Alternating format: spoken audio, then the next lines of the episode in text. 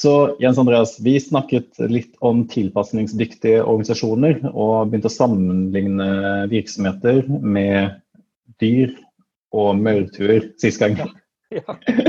og I forbindelse med det så var vi sånn litt borti sansing og sansene til organisasjoner, og om det er noe som kan eller om det tankesettet kan appliseres til vår bransje, til virksomheter. Fins det noe som heter sansende organisasjoner, eller bør vi introdusere det begrepet? Jeg, er veldig usikker, men eh, det, er noe her som gir, eh, i hvert fall for meg, gir litt mening. Da.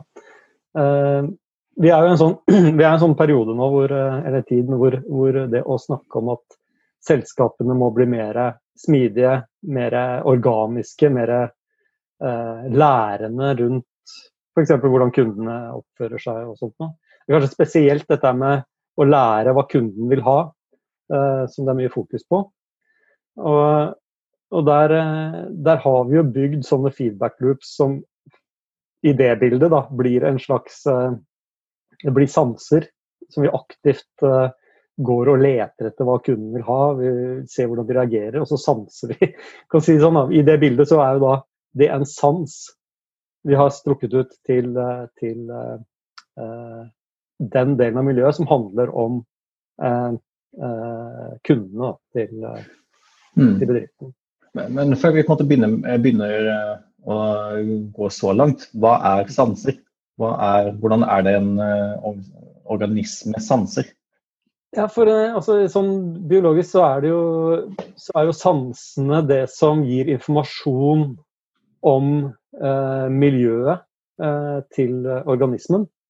Og, og den, det er jo ting som er bygd inn, i, bygd inn i organismen for å øke overlevelsen.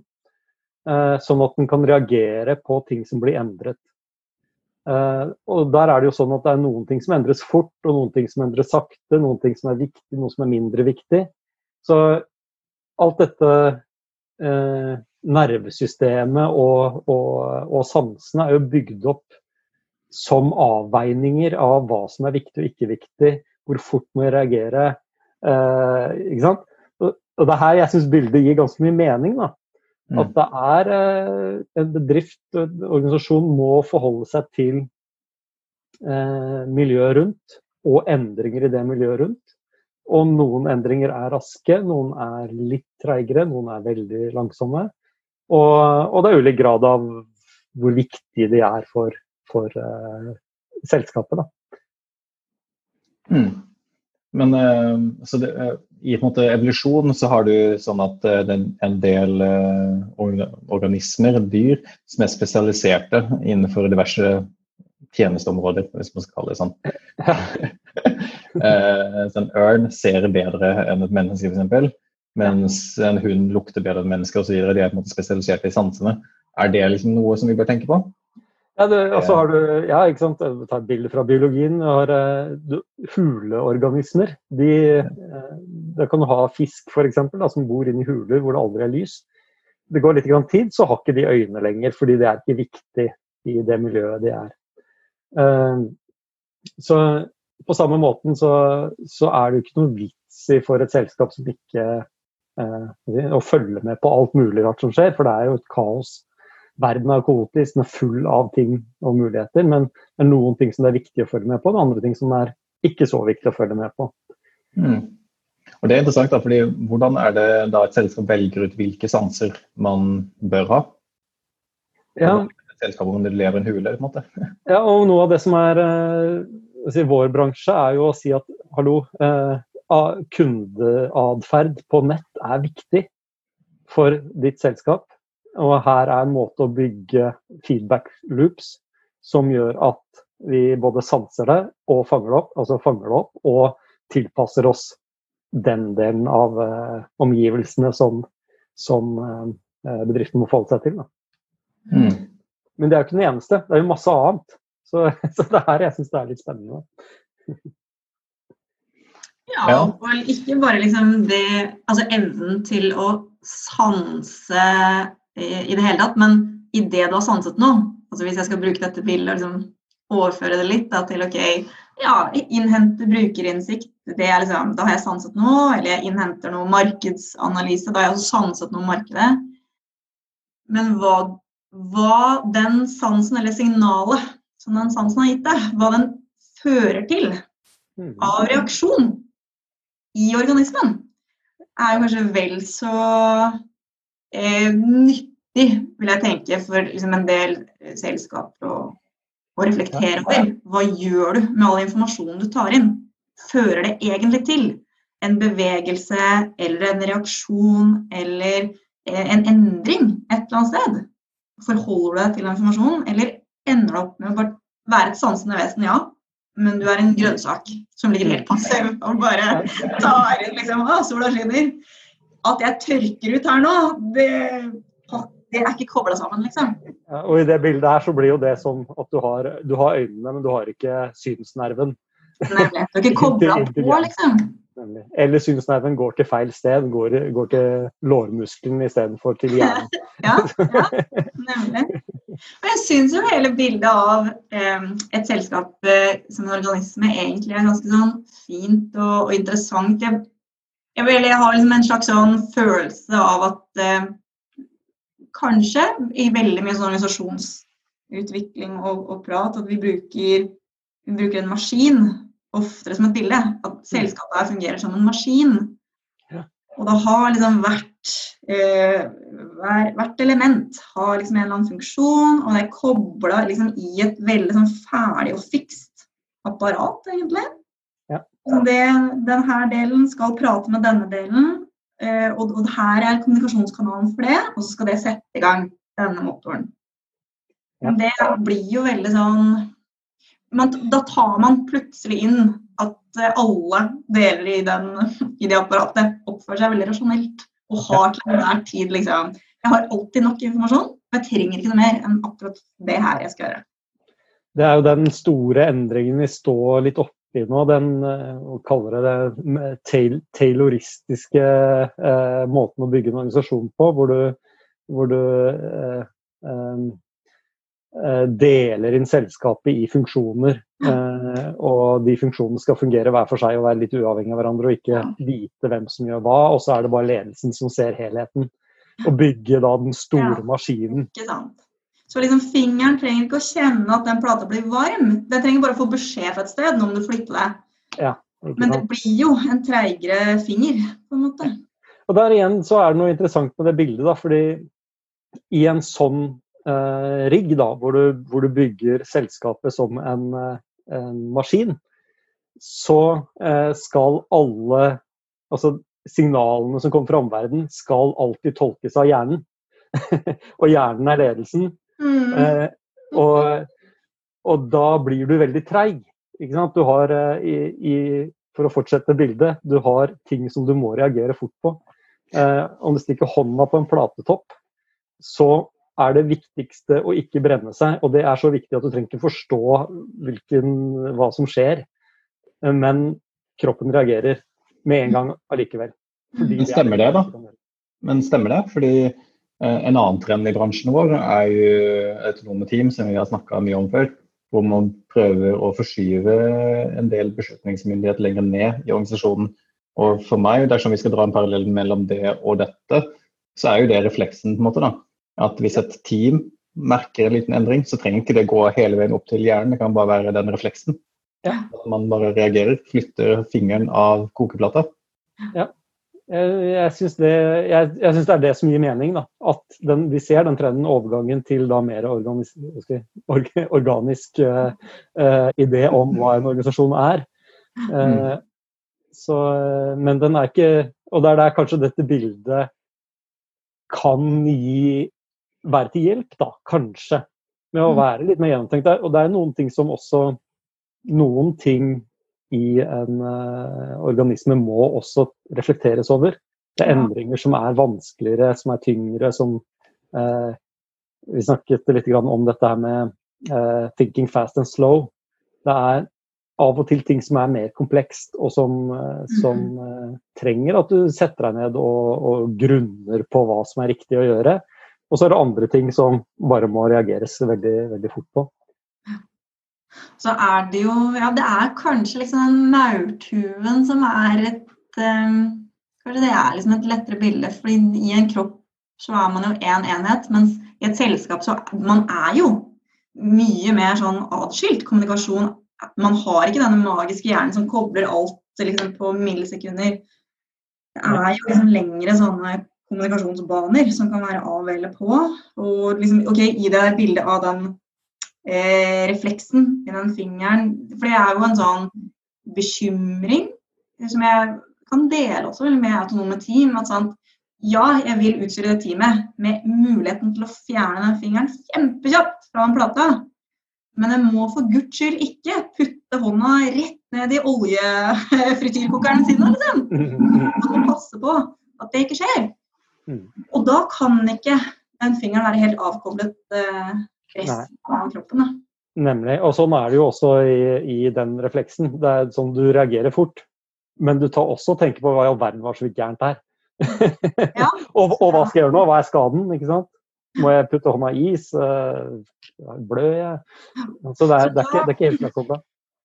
Men jeg, da kjenner jeg, det er jo tilbake til en sånn, en ting å ha sanser, men jeg, et eller annet med det der indre apparatet for å eh, tolke signalene. Og mm. også liksom fordele signaler ut i resten av hele liksom, virksomheten. Eh, altså silo-effekten er jo veldig sånn påtagelig mange steder, kan jeg tenke. Ja, det sitter noen og gjør masse analyser, kanskje har masse rapporter, har mye innsikt. Men, men hva er liksom kommunikasjonsveiene ut til de stedene hvor ting skal skje? Det er ofte litt mindre tråkket opp. Mm. Det er ikke nødvendigvis noen automatiske nervebaner som liksom har lagt seg ut der, men det hadde vært veldig bra å ha. Mm. At det liksom var uh, Men det var ikke jeg syns det er interessant, fordi det er jo heller ikke eh, det er ikke sånn at det er perfekt hos organismene heller. Det er jo, det er jo interessekonflikter internt i en organisme òg. Kan tenke deg Hvis du, du, gjør noe som er viktig, eh, la oss si løp, løper i skogen, da. For å, fordi du eh, må jakte et dyr. Og så tråkker du på en kvist og eh, får vondt i foten. Så reagerer, reagerer du veldig der og da på smerten. Mm. Og så har du det konflikten mellom det og det målet med å rekke å følge med på hjorten, da. mm. det er ikke noe sånn at de to konfliktene eh, er enkle å forholde seg til i en organisme heller. Og det er det heller ikke. Det er ikke mulig å bygge et perfekt system da, som ivaretar alle hensyn samtidig, men de vil alltid være der i, i konflikter. Men når vi først er i denne metaforen her, kan man liksom si at man kan se hos noen bedrifter en reptilhjerne? At det er noen bedrifter som fungerer litt hvor reptilhjernen får lov til å styre? Ja, er grønnsaken, mener du? Jeg tenker jo litt av og til at altså, gitt, gitt, det bildet da, hvor du bygger perfekte maskinen og du bygger alt skal inn i denne hjernen, da ønsker jo selvfølgelig de som sitter og tenker at du bygger en hjerne som er Eh, den er ganske reptilaktig, da. Den er eh, Nå kan jeg mye om reptiler, så det blir veldig, veldig enkelt. For den er mye mer avansert enn det, enn det, det men, men, at den er eh, sånn OK, hvis dette skjer, så skal vi gjøre dette. Hvis dette skjer, så skal vi gjøre dette. Ikke sant? Man tror man kan planlegge alt på forhånd. Og så er det en måte å kunne reagere på. Du bygger en, et regelsett som, ja. som, skal dekke alt. Ja. Og og sånn har det jo vært eh, Det har jo fungert veldig lenge. Hvis endringstakten i miljøet rundt deg er veldig treig, så kan du gjøre det på den måten der. Eh, men det man ser i organismer, er at du har masse forskjellige typer hjerner og minihjerner og, og sånt. Vi, du har liksom storhjernen, og så har du eh, noe man kaller ganglier, som er sånne små nerveknuter. Hos noen dyr så har du Eh, Stegosaurus f.eks. hadde jo to hjerner, en i hodet og en i, nedi ryggraden. Mm. Så, så det, det, er, det, er, ofte mer det er ofte mer komplekst, da. er det det man kaller mellomledelse? Ja, f.eks. så, så jeg vil si ja, de som er eh, man, eh, man har ikke tatt den helt ut, da. Det er sannsynligvis mye mer å hente på enda mer eh, distribusjon av beslutningsmakt. Eh, eh, distribusjon på læring, distribusjon av, eh, av sans, altså læring om miljøet, Mm. i en organisasjon som er åpen for å utvikle seg i retning av å være mer smidig. Eller, og smidig i betydningen eh, tilpasningsdyktig. Da. Mm.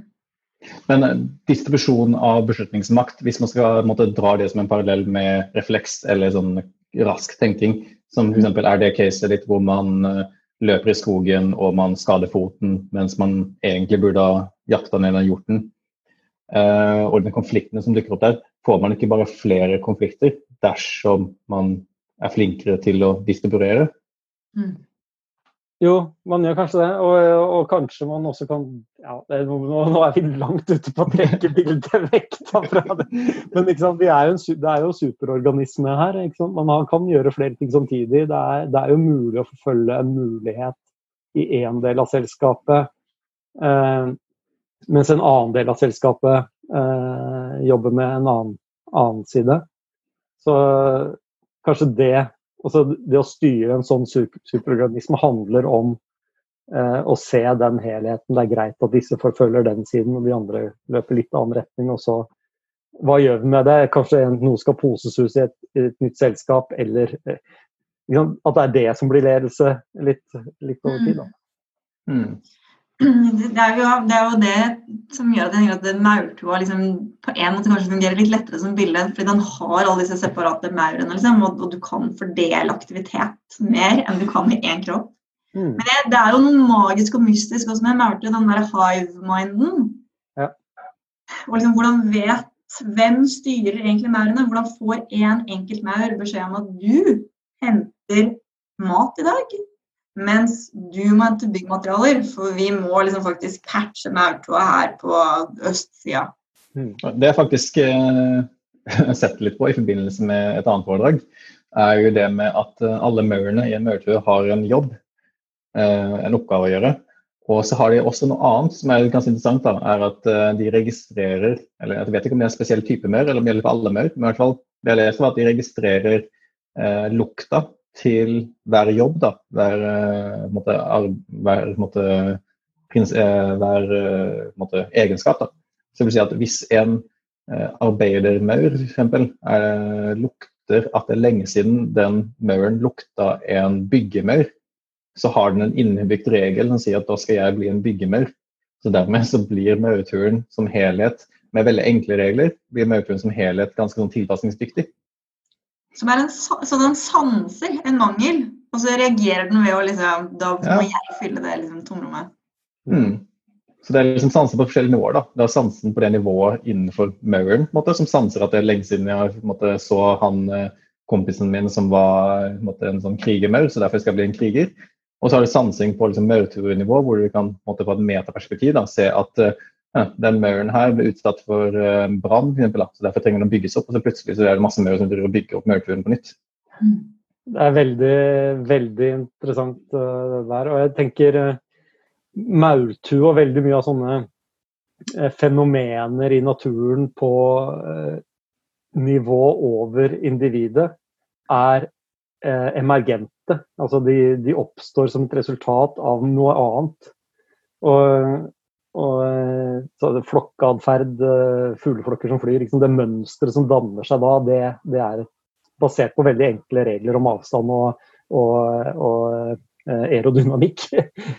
og trygghet mot predatorer og sånt noe. Og du kan, du kan få til veldig si, svære fenomener på toppen av små selvregulerende enheter da, som forholder seg til veldig enkle regler. Det tenker jeg, det tenker jeg det, ja, det er noe annet. Da, da, da tenker jeg vi er på godt vei inn i en ny kaffeprat, tenker jeg. ja, ikke sant? Så hvis vi skal rappe opp denne, da, så mener vi da at uh, sansing selvfølgelig lurt. Sansing i forskjellige nivåer uh, med tanke på reflekssanser, eller måte, hvordan man prosesserer reflekser, er måte, lurt å tenke på. Og kanskje det at uh, organisasjoner ligner mer på maurtuer enn de gjør på organismer. Ja, og jeg har et lite poeng til som jeg gjerne også vil ha med litt på kampen. Det er at uh, det jeg tror en Altså de fleste selskaper jeg kjenner til er dårligst på sansen sanse nå, er uh, konkurransebildet. Veldig flinke mot kunder og sånt, men, men en, vi vet jo endringer i teknologi og kundebehov de vet vi går fort, og det har de fleste fått med seg. Men, men endringer i konkurransebildet, det, det, er noe man gjerne gjør en gang, og så legger man i en skuff. Jeg er litt sånn usikker på det, egentlig. fordi eh, Jeg opplever av og til det motsatte. At eh, veldig mange organisasjoner er kanskje Eller jeg tror det kommer i forskjellige typer. da. Jeg tror Noen organisasjoner er veldig veldig måte, flinke, lærebokflinke og tenker veldig mye på sine kunder. Og så tror jeg andre organisasjoner er litt sånn news-driven development-orienterte. Hvor man ser på forsiden av en eller annen avis at oi, konkurrenten vår lanserte den featuren, da må vi få ut den featuren uten at vi egentlig bryr oss om hvorfor. Mm, Men jeg tror det er liksom litt forskjellig her. Ja, og så er det en sans til jeg kan tenke at en del selskap er litt dårlig på. Det er den der indre sansingen. Hva gjør de andre delene? Hva er viktig for de andre delene? At man er veldig, veldig obs på hva som eh, IT må gjøre, og hva som brenner her. Men aner ikke hvordan det henger sammen med hva skjer på forretning, og hva brenner der. Vi har ikke noe forhold til den sansingen der. Vi har ingen sanser ut. Eller dårlig sanse, da. Dårlig sanseapparat. Mm. Til, uh... Jeg hører nesten flere, flere episoder her. Ja. ikke sant? En in typisk indre sans er volum i tarmen. og, og, i magesekken, som trigger sultfølelse som kan få deg til å løpe ut i skogen etter den hjorta hvor du tråkker feil osv. Så, så hvordan, hvordan fanger en organisasjon opp sånne ting er en indre sans som skal føre til noe så strategisk som å gå på jakt, som igjen skal eh, eh, avveies mot det at du tråkker feil. Fange det opp og kommunisere det videre. For hva du tar inn, har jo liksom ingen betydning hvis ikke du får sendt det liksom ut igjen. Foreslår at vi tar det i en annen prat. Supert. Takk. Takk.